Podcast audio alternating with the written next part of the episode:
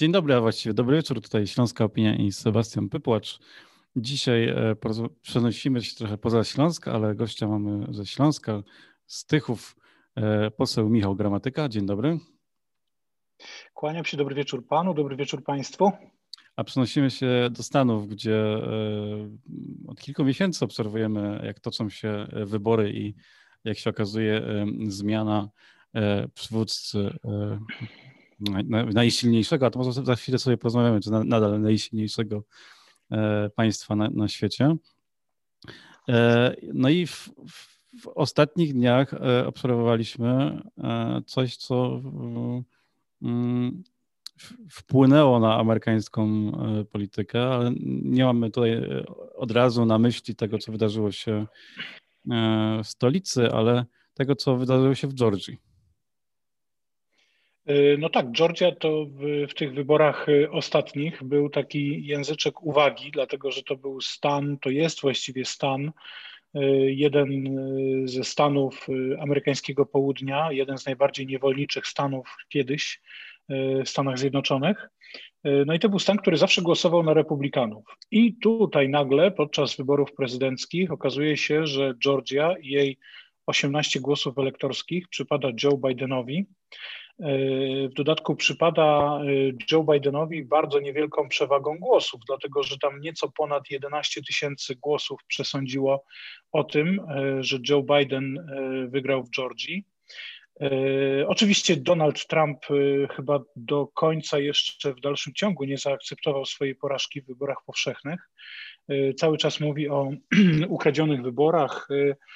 Słynny był jego telefon w przeddzień wyborów uzupełniających do Senatu, o tym za chwilę, y, które również odbywały się w Georgii. Słynny był jego telefon do sekretarza stanu, y, do gubernatora Georgii, do, do również republikanina, pana Raffensbergera, E, gdzie Donald Trump wręcz polecił mu znaleźć te brakujące 12 tysięcy głosów. Wszystko, czego potrzebujemy, to znaleźć brakujące 12 tysięcy głosów, powiedział Trump e, do gubernatora stanu Georgia, e, czym prawdopodobnie przegrał dla Republikanów kolejne wybory, a te kolejne wybory odbywały się w nasze święto Trzech Króli. To były wybory uzupełniające, wybory o dwa nieobsadzone jeszcze miejsca w amerykańskim Senacie. I w tych wyborach, w obu mandatach zwyciężyli kandydaci demokratów, co jest w ogóle absolutnie niesamowite. Jeden z tych, mandat, jeden z tych mandatów zdobył pan Rafael Warnock, czarnoskóry pastor Kościoła Baptystów, który opowiadał, że jeszcze jego matka żyła w czasach segregacji rasowej w tejże Georgii. Natomiast drugi z tych mandatów zdobył John Ossoff, z kolei kandydat E, pochodzenia żydowskiego, bardzo młody, bardzo rzutki, e, bardzo ambitny polityk. Te dwa mandaty trafiły e, do demokratów, co z kolei w konsekwencji spowodowało, że w amerykańskim Senacie mamy w tym momencie stan 50 na 50. A kiedy w amerykańskim Senacie stan głosów jest 50 na 50, tym, który rozstrzyga każde głosowanie, jest wiceprezydent Stanów Zjednoczonych, którą z kolei to funkcję od 20 stycznia będzie pełnić pani Kamala Harris, czyli również demokratka. A to znaczy, że wszystkie izby amerykańskiego kongresu są w tym momencie kontrolowane przez demokratów. No dobrze, ale to, czy to, co wydarzyło się w Georgii, to jest um, zasługa Donalda Trumpa? E, no, dokładnie dwa dni, trzy dni przed tymi wyborami, przed rozstrzygającym e, starciem o dwa mandaty w Georgii, E, wypłynęły na jaw, ujrzały światło dzienne taśmy e, z nagraniem rozmowy mm, Trumpa właśnie z Raffensbergerem. E, gubernator nagrał tę rozmowę i w jaki sposób ona wypłynęła do mediów. Zdaje się Washington Post tę rozmowę opublikował i wyszło na światło dzienne, wyszło na jaw, co Donald Trump mówi, przekonując gubernatora republikańskiego stanu, stanu zarządzanego przez republikanów, żeby znalazł głosy. E, ten gubernator go przekonuje, ale panie prezydencie, nie da się znaleźć głosów. E, to głosowanie w Georgii było przeprowadzone zgodnie z wszelkimi normami, zgodnie z wszelkimi wytycznymi. To, e, to było głosowanie, które jest sercem i sensem amerykańskiej demokracji. Ale Trump jest nieugięty. Mm, Trump w dalszym ciągu prawdopodobnie wierzy, że te wybory mu ukradziono Przypomnijmy, Trump przegrał w kilku takich kluczowych stanach. W szczególności zaboleć go musiała właśnie przewaga w Georgii, która ostatni raz, zdaje się, głosowała na, kandydatów, na kandydata demokratów w słynnej konfrontacji Billa Clintona z George'em Bushem seniorem, czyli to był zdaje się 98 rok, o ile dobrze pamiętam, mogę się w tym momencie pomylić. Natomiast Natomiast kolejne, jak gdyby 50 lat wstecz, ten, e, ten stan głosował na, e, na republikanów. On zawsze był republikański, zawsze był tak zwanym stanem czerwonym. W tym momencie stał się stanem niebieskim.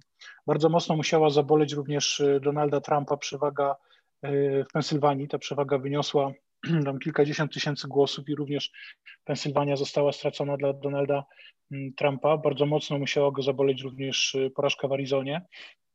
No i w paru jeszcze innych tak zwanych swing states, czyli kluczowych stanach, e, po, przez które Trump te, te wybory powszechne po prostu przegrał. Trump opowiada taką historię, że w momencie mm, zamykania urn wyborczych on w tych wszystkich stanach wygrywał.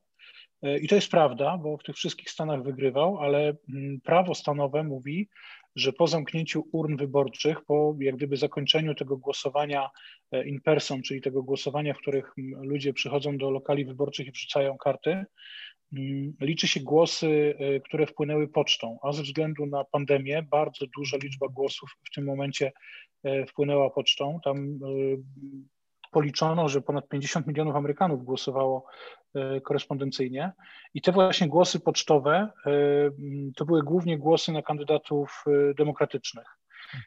I widać było w amerykańskich telewizjach informacyjnych, jak wraz ze spływaniem tych głosów pocztowych, stan po stanie z czerwonego robi się niebieski, czyli przechodzi ze strony mm, Donalda Trumpa na stronę Joe Bidena. Zapytałem o tą e, zasługę Donalda Trumpa, bo my obserwujemy z perspektywy polskiej Stany jako taki, takie właśnie państwo, w którym są e, dwie partie i właściwie ci wyborcy, którzy nawet jeżeli są zawiedzieni e, prezydentem z jednej opcji, to nie za bardzo widzę republikanów przechodzących i głosujących na demokratów. Nie? Oni pewnie nie głosują. I to się też zmienia to się właściwie też zmieniło. Te wydarzenia, do których doszło y, w nocy mm, polskiego czasu, y, patrzę w tym momencie y, w kalendarz w nocy z wtorku na środę, te, te, te, te wydarzenia, które oglądaliśmy w telewizji, jak to bojówkarze właściwie, czy, czy bandyci wtargnęli do pomieszczeń amerykańskiego kongresu podczas tak zwanej sesji połączonych izb amerykańskiego kongresu. E, Stany Zjednoczone mają e, rozpisany ten system wyborczy mm, na kilka etapów. E, w Stanach nie głosuje się na osobę podczas wyborów prezydenta Stanów Zjednoczonych, tylko głosuje się na tak zwanych elektorów. Potem jest taki ceremonialny moment, kiedy ci elektorzy oficjalnie oddają swoje głosy na kandydatów na prezydenta i na wiceprezydenta. I ten moment nastąpił gdzieś tam pod koniec, pod, w, w połowie grudnia, zdaje się, 2020 roku, a e, w Święto Trzech Króli był kolejny taki ceremonialny moment, kiedy te głosy elektorskie, które już są policzone, wpływają do amerykańskiego kongresu. Spotyka się na połączonym posiedzeniu obu izb amerykański kongres, czyli Izba Reprezentantów, czyli tak jakby polski Sejm, spotyka się w jednej sali z Senatem i e, deputowani amerykańscy wysłuchują, z którego stanu wpłynęły jakie głosy elektorskie, jak gdyby walidują te głosy, czyli jak gdyby przyznają, że te głosy są oryginalne, że one wpłynęły o czasie, że ten certyfikat nie budzi zastrzeżeń. I tutaj Konstytucja amerykańska mówi, że, że y, każdy z deputowanych, jeżeli zbierze przynajmniej jeden podpis jednego reprezentanta i jednego senatora, czyli tak jakbyśmy po polsku myśleli, jednego posła i jednego senatora, może wnieść sprzeciw do takiego właśnie wyniku głosowania głosów elektorskich. No i to, to właśnie działo się w amerykańskim kongresie wtedy, kiedy wtargnęli do niego bandyci, czyli poszczególne stany e, nadsyłały, jak gdyby otwierano koperty z głosami elektorskimi, przewodniczącym tego posiedzenia również zwyczajowo i również ceremonialnie zawsze jest wiceprezydent Stanów Zjednoczonych, czyli tym przewodniczącym był Mike Pence. I Donald Trump jeszcze w przeddzień tego posiedzenia próbował przekonać Mike'a Pence'a, żeby on nadużył swojej ceremonialnej władzy i odesłał te głosy elektorskie z powrotem. Powiedział, że one nie nadają się do, do zaakceptowania ze względu na to, że mieliśmy do czynienia z szeregiem nieprawidłowości w wyborach. Ale Mike Pence, przypomnijmy, wiceprezydent y, u Donalda Trumpa, republikanin z krwi i kości, senator wcześniej z wieloletnim doświadczeniem, Mike Pence powiedział, że on nie zrobi ani kroku poza to, na co pozwala mu konstytucja. I że on uważa, że te wybory były uczciwe i że to jest najwyższy czas, żeby przyznać, że w tych wyborach zwyciężył Joe Biden. W ogóle w Stanach Zjednoczonych funkcjonuje taka, mm, taka zasada, oni to nazywają transition, czyli zasada pokojowego przekazania władzy, że w momencie, kiedy już wiadomo w demokratycznych wyborach, e, że jeden z kandydatów zdobył tyle głosów elektorskich, że na pewno zostanie wybrany prezydentem, to jego kontrkandydat wykonuje taki grzecznościowy telefon, wygłasza tak zwaną umowę uznającą zwycięstwo kontrkandydata, to się nazywa concession speech. E, Donald Trump tego nie zrobił. On ani nie pogratulował Joe Bidenowi e, zwycięstwa, ani nie wygłosił tej mowy. Co więcej, permanentnie od czasu tych wyborów powszechnych podburza swoich zwolenników, mówiąc im, że te wybory zostały skradzione, że te wybory y, w rzeczywistości Donald Trump wygrał, że doszło do oszustw na ogromną skalę.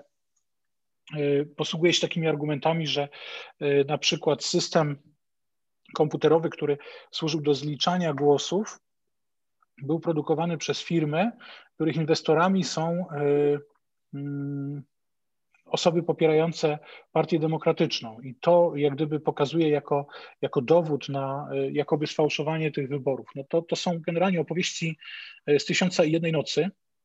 Prawnicy Donalda e, Trumpa pod dowództwem no, bohaterskiego skądinąd i świetnie znanego w Stanach burmistrza, byłego burmistrza Nowego Jorku, Rudolfa Giulianiego, E, wytoczyli kilkadziesiąt pozwów przeciwko władzom stanowym właśnie e, w kontekście organizacji tych wyborów i wszystkie z tych spraw przegrali. Tylko w jednej sprawie, jakiejś e, kompletnie nieistotnej, sąd przyznał rację mm, prawnikom Donalda Trumpa, więc oni e, przegrali tak naprawdę na każdym etapie postępowania sądowego, a mimo to cały czas powtarzają, że wybory były oszukane, że wybory zostały skradzione, że Donald Trump w tych wyborach zwyciężył. Mm, jeszcze w tym samym dniu, kiedy w Waszyngtonie obradowały połączone Izby Kongresu, kiedy już było wiadomo, że, e, że w Georgii zwyciężyli kandydaci demokratyczni, mm, Donald Trump wygłosił takie bardzo z jednej strony rozbudowane, E, z drugiej strony bardzo ostre przemówienie do swoich zwolenników, którzy zgromadzili się w Waszyngtonie e, i on wręcz podburzał tych ludzi, żeby walczyli o swoje, e, żeby poszli i, i, i wywalczyli to, co się im należy. No więc wcale się nie dziwię, że tych kilkadziesiąt tysięcy, wśród tych kilkudziesięciu tysięcy zwolenników Trumpa, którzy zgromadzili się w Waszyngtonie, znalazła się kilka, kilkadziesiąt osób, E, które wtargnęły do mm, amerykańskiego kongresu i naruszyły chyba największą świętość dla amerykańskiej demokracji, czyli ten budynek Kapitolu. To było coś niesamowitego. Ja to oglądałem na żywo w telewizji. E, tych, tych e, wariatów, bo to chyba inaczej nie można nazwać, którzy z, bronią biegają po korytarzach Kapitolu. No, wyobrażam sobie, co musieli przeżywać Amerykanie, wychowani w kulcie wręcz demokracji i, e, w jakimś takim ogromnym szacunku e, dla, dla tej demokracji. Ostatni raz e, Waszyngton tak ucierpiał w 1812 roku podczas wojny z Brytyjczykami. Wtedy Brytyjczycy bardzo mocno zniszczyli budynek Kapitolu i spalili Biały Dom.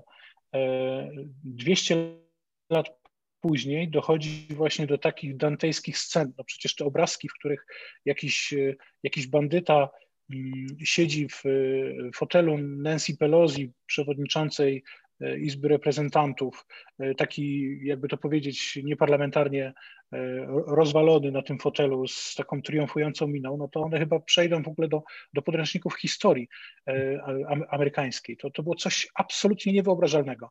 I wtedy pierwszą osobą, która potępiła te, te zachowania, był właśnie Mike Pence, republikanin, wiceprezydent Stanów Zjednoczonych który y, wezwał Gwardię Narodową y, na teren Waszyngtonu, na teren y, miasta Waszyngton to, czego się zwykle nie robi, to, to, to wymaga decyzji prezydenta. Podobno Donald Trump nie chciał tego zrobić. Podobno stwierdził, że mm, wszyscy się zastanawiali, dlaczego nie reagowała policja, dlaczego to policja, która zwykle w Stanach Zjednoczonych jest bardzo ostra, e, to teraz tak, tak reagowała z jakimś dużym opóźnieniem. No, prawdopodobnie dostała takie polecenie.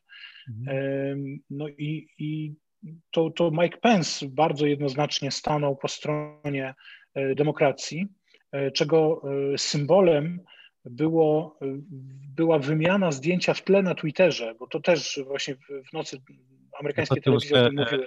Przyhamować, bo to akurat już podobno się wydarzyło wcześniej.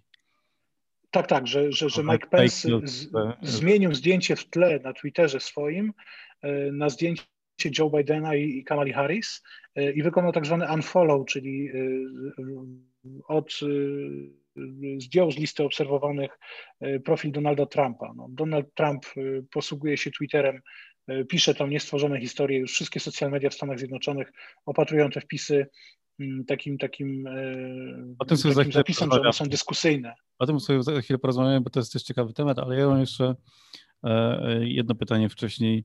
Mm, w momencie, kiedy Donald Trump wygrał poprzednie wybory, to wszyscy mówili, że w Stanach Mm, nie ma się obawiać o, o czego o, o, Stany, że tam ta demokracja będzie nadal świetnie się miała, bo siła amerykańskiej demokracji to jest siła amerykańskich instytucji. E, coś, czego w Polsce trochę e, nie mamy.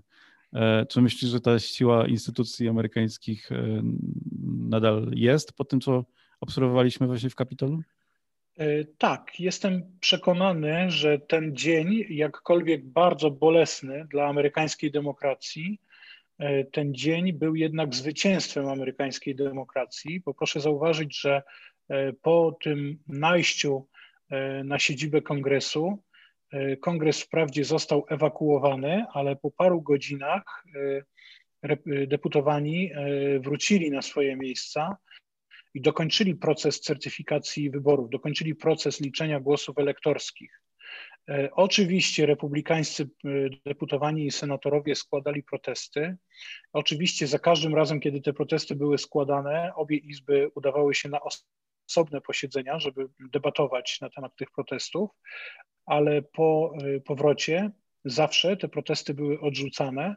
Głosy elektorskie zostały policzone przyznano Joe Bidenowi 306 głosów elektorskich, Mike'owi Pence'owi, e, e, Donaldowi, Donaldowi Trumpowi przyznano 232 głosy elektorskie. Paradoksalnie to jest taki sam rezultat, jakim w 2016 roku Donald Trump wygrał wybory prezydenckie, bo on też zwyciężył 306 do 232 i wtedy nazywał to takim sformułowaniem, że to było gigantyczne zwycięstwo, landslide victory, e, mówił w, w wywiadach, że to nie było takie normalne zwycięstwo, to było landslide victory, a różnica głosów, która go w tych kluczowych stanach wtedy dzieliła pomiędzy panią e, Hillary Clinton, e, była zdecydowanie mniejsza niż ta, która dzieli dziś Joe Bidena i Donalda Trumpa w tych, w tych kluczowych stanach. Trzy albo cztery razy mniejsza. Wtedy demokraci nie mówili o fałszowaniu wyborów.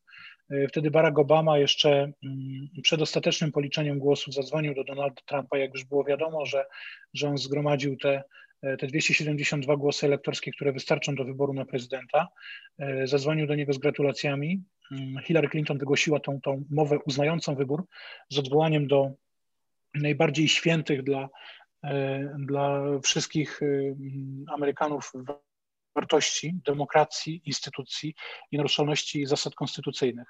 Więc ten dzień na pewno był bardzo trudny i dla, na pewno był dla wielu Amerykanów szokujący, ale to jest dzień, który obok y, y, słabości pokazał też siłę amerykańskiej demokracji. Proszę zwrócić uwagę na to, że Donald Trump y, powiedział, że 20 stycznia dojdzie do pokojowego przekazania władzy. Już w tym momencie nie mówi o, e, o, o tym, że będzie walczył, tylko że mówi, że dojdzie do, ten proces e, przekazania władzy zostanie 20 stycznia ukończony. Mhm. E, wspomniałeś też wcześniej o tym, o tych o flagowaniach wpisów i późniejszym zablokowaniu Donalda Trumpa w mediach społecznościowych. E, właściwie e, we wszystkich e, możliwych.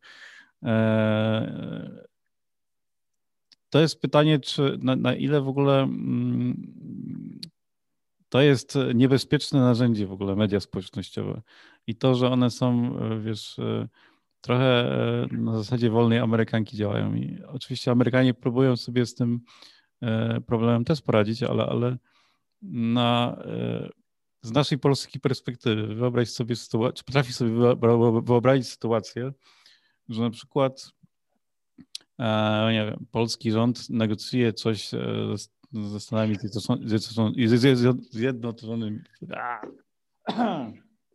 Wyobraź sobie sytuację, że polski rząd negocjuje coś ze Stanami e, i na przykład Facebook zaczyna blokować pewne narracje albo Facebook postanawia wpływać na politykę w innych krajach. Znaczy wiemy już, że Facebook był wykorzystywany w ten sposób. No też Donald Trump, Brexit i e, wiele innych e, mm, zdarzeń politycznych były w ten sposób wykreowane. Czy myślisz, że media społecznościowe powinny być w jakiś sposób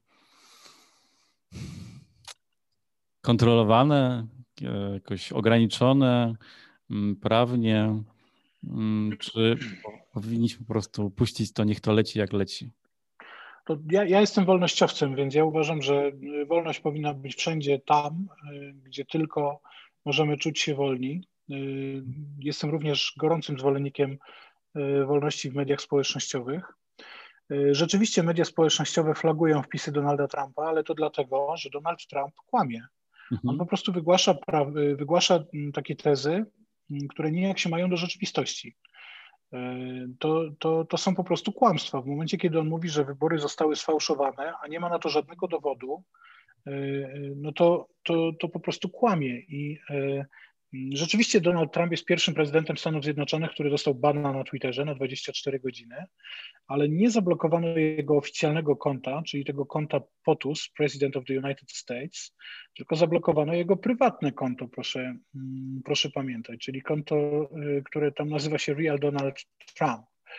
Y, I rzeczywiście i Facebook, i, i, i Twitter opatruję wpisy Donalda Trumpa takimi, e, takimi zastrzeżeniami, że mm, te wpisy mogą być dyskusyjne z punktu widzenia zgodności z rzeczywistością. Nie mówią, że wprost kłamie, tylko, tylko że te, należy uważać na te wpisy.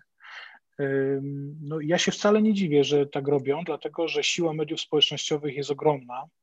E, to jest zresztą jeden z argumentów używanych przez Donalda Trumpa, że te media e, tak zwanego mainstreamu, czyli stacje telewizyjne, stacje informacyjne, plus wielkie korporacje, które są właścicielami e, sieci społecznościowych, że one są przeciwko niemu i on dlatego te wybory przegrał. Nie, to nie jest prawda.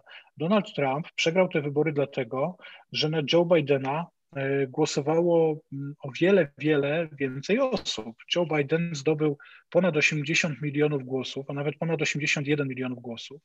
I to jest najwięcej E, ile w ogóle jakikolwiek kandydat na prezydenta w Stanach Zjednoczonych uzyskał.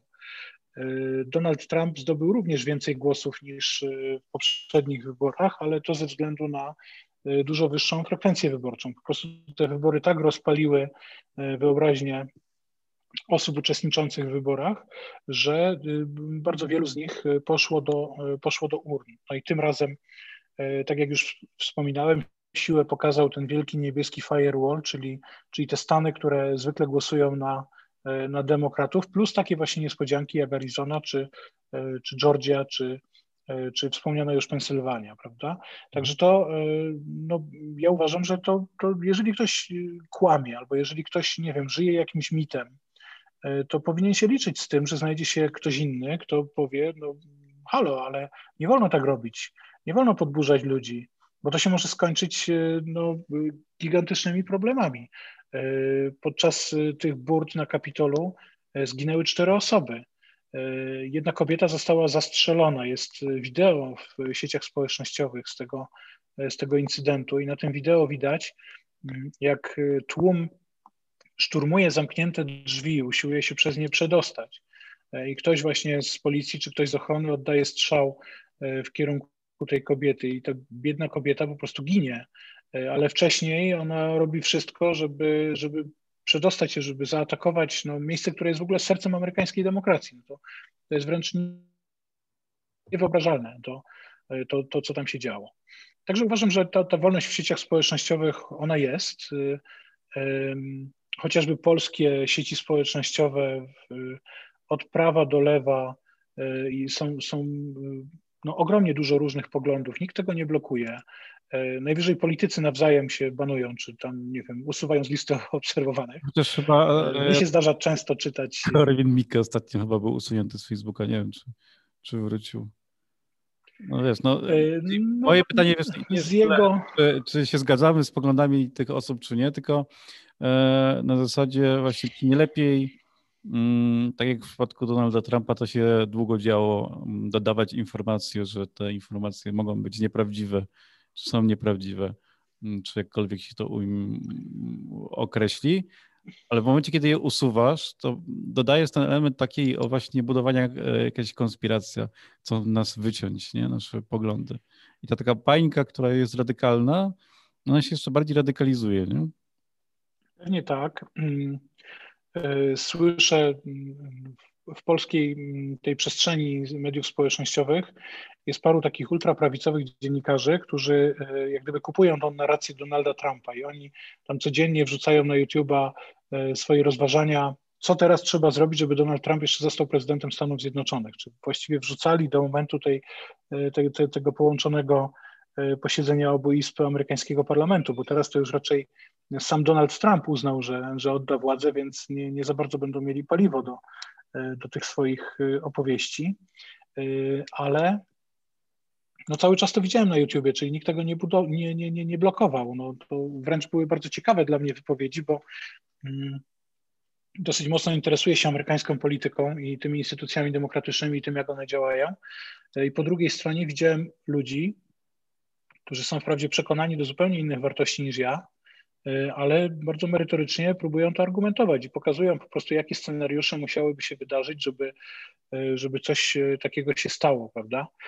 Więc nigdy nie jest tak, że, że Facebook czy Twitter od razu usuwają treści. Zawsze najpierw użytkownik dostaje ostrzeżenie, potem jego konto zostaje mm, zawieszone, potem przy jego wpisach zaczynają się pojawiać informacje, że jakieś tam, że jakieś tam wpisy naruszają regulamin który zresztą ten użytkownik każdorazowo akceptuje, bo w momencie, kiedy stajemy się elementem sieci społecznościowych, to musimy się zgodzić po prostu na takie postępowanie, więc e, nie wydaje mi się, żeby było coś złego w tym, mm, że takie wpisy są po prostu flagowane. Mhm. E, co, spróbujmy przejść delikatnie chociaż na, na polski grunt i, i muszę cię zapytać, to, to jestem ciekawy, czy myślisz, że e, gdyby podobna sytuacja miała się wydarzyć w Polsce, a e, pozwolę sobie e, przypomnieć, bo na Twitterze też o, tym napisałem, była w Polsce taka, jest taka w Polsce taka partia, która jak przegrywała wybory, to mówiła, że były sfałszowane. E, przypadkowo teraz rządzi krajem. Czy myślisz, że jeżeli by taka sytuacja miała się zdarzyć w Polsce, to mamy taką postać, która mogłaby być takim Mike'em Pence'em w Polsce, który powie: Nie, halo, koledzy, przegraliśmy, albo trzeba się uspokoić. Y, tak, ja głęboko wierzę w to, że mm, nie wszyscy y, politycy PiSu y, ulegają temu szaleństwu, którego wyznacznikiem jest dla mnie Jarosław Kaczyński, bo to o nim właśnie mowa. To on z trybuny sejmowej mówił, że wybory do Sejmiku kilka lat temu zostały sfałszowane. To były te słynne wybory, w których była książeczka, karta do głosowania w formie książeczki. E, I tam rzeczywiście było kilkanaście procent dla PSL-u, e, trochę mniej dla PiSu niż potrzebne im było do zwycięstwa i to wystarczyło, żeby, żeby snuć właśnie takie teorie, że te wybory były sfałszowane. Nie, te wybory nie były sfałszowane, po prostu Polacy nie wybrali wtedy PiSu. Mhm. Oczywiście, że się boję tego, co nastąpi po upadku PiSu, bo ten upadek jest coraz bliższy. I uważam, że w kolejnych wyborach, które się odbędą, Polacy już nie obdarzą PiSu zaufaniem, bo PiS po prostu na takie zaufanie nie zasługuje.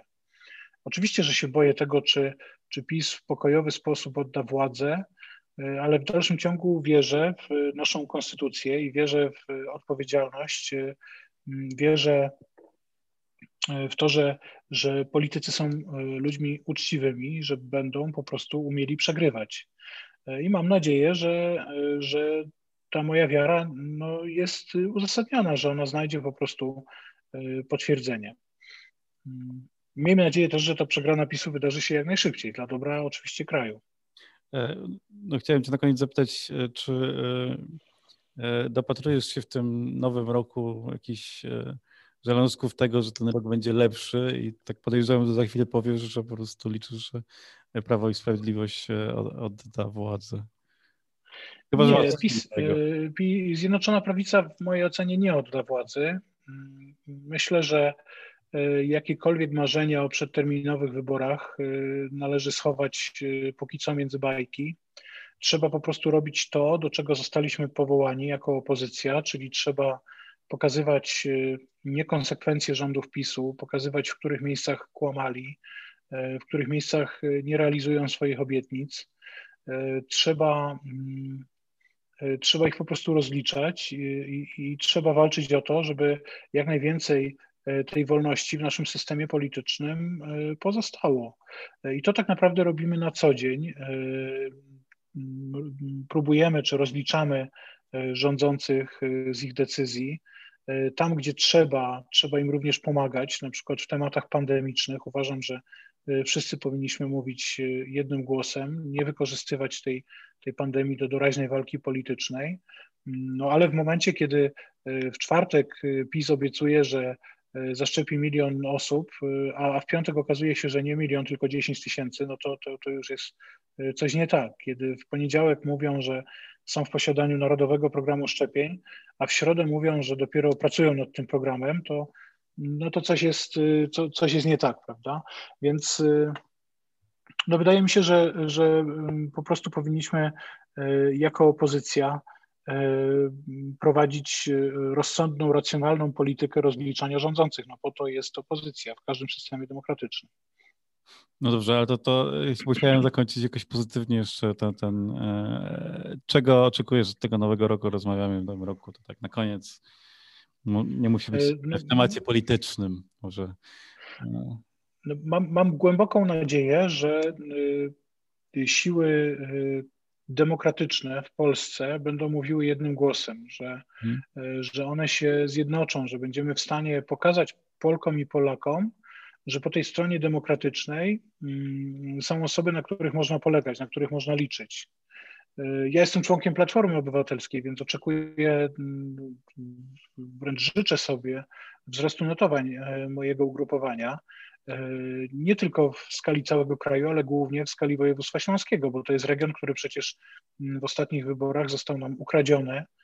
E, jeden z radnych e, Koalicji Obywatelskiej wybrany do Sejmiku postanowił zmienić barwy już po wyborze, bo gdyby zmienił te barwy jeszcze przed dokonaniem wyboru, albo zmienił barwy i powiedział, że nie obejmie mandatu, bo, bo mandat w końcu zdobyła Koalicja Obywatelska, a nie on. No ale on niestety zrobił najgorszą możliwą rzecz. Nazywa się ten radny Wojciech Kałuża i obecnie jest wicemarszałkiem województwa śląskiego.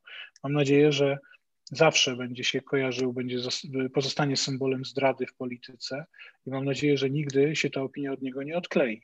Właśnie po to, żeby pokazywać, e, jakich zachowań należy unikać i jak zachowywać się w polityce nie wolno.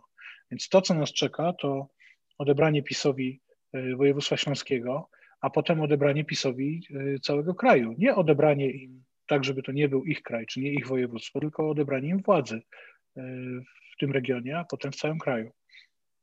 Dobrze. To tym akcentem e, zakończymy dzisiejszą rozmowę. E, dziękuję Ci e, za, za rozmowę. Moim gościem był Michał Gramatyka, poseł na Sejm. Bardzo dziękuję. Pozdrawiam wszystkich. Życzę dobrego weekendu.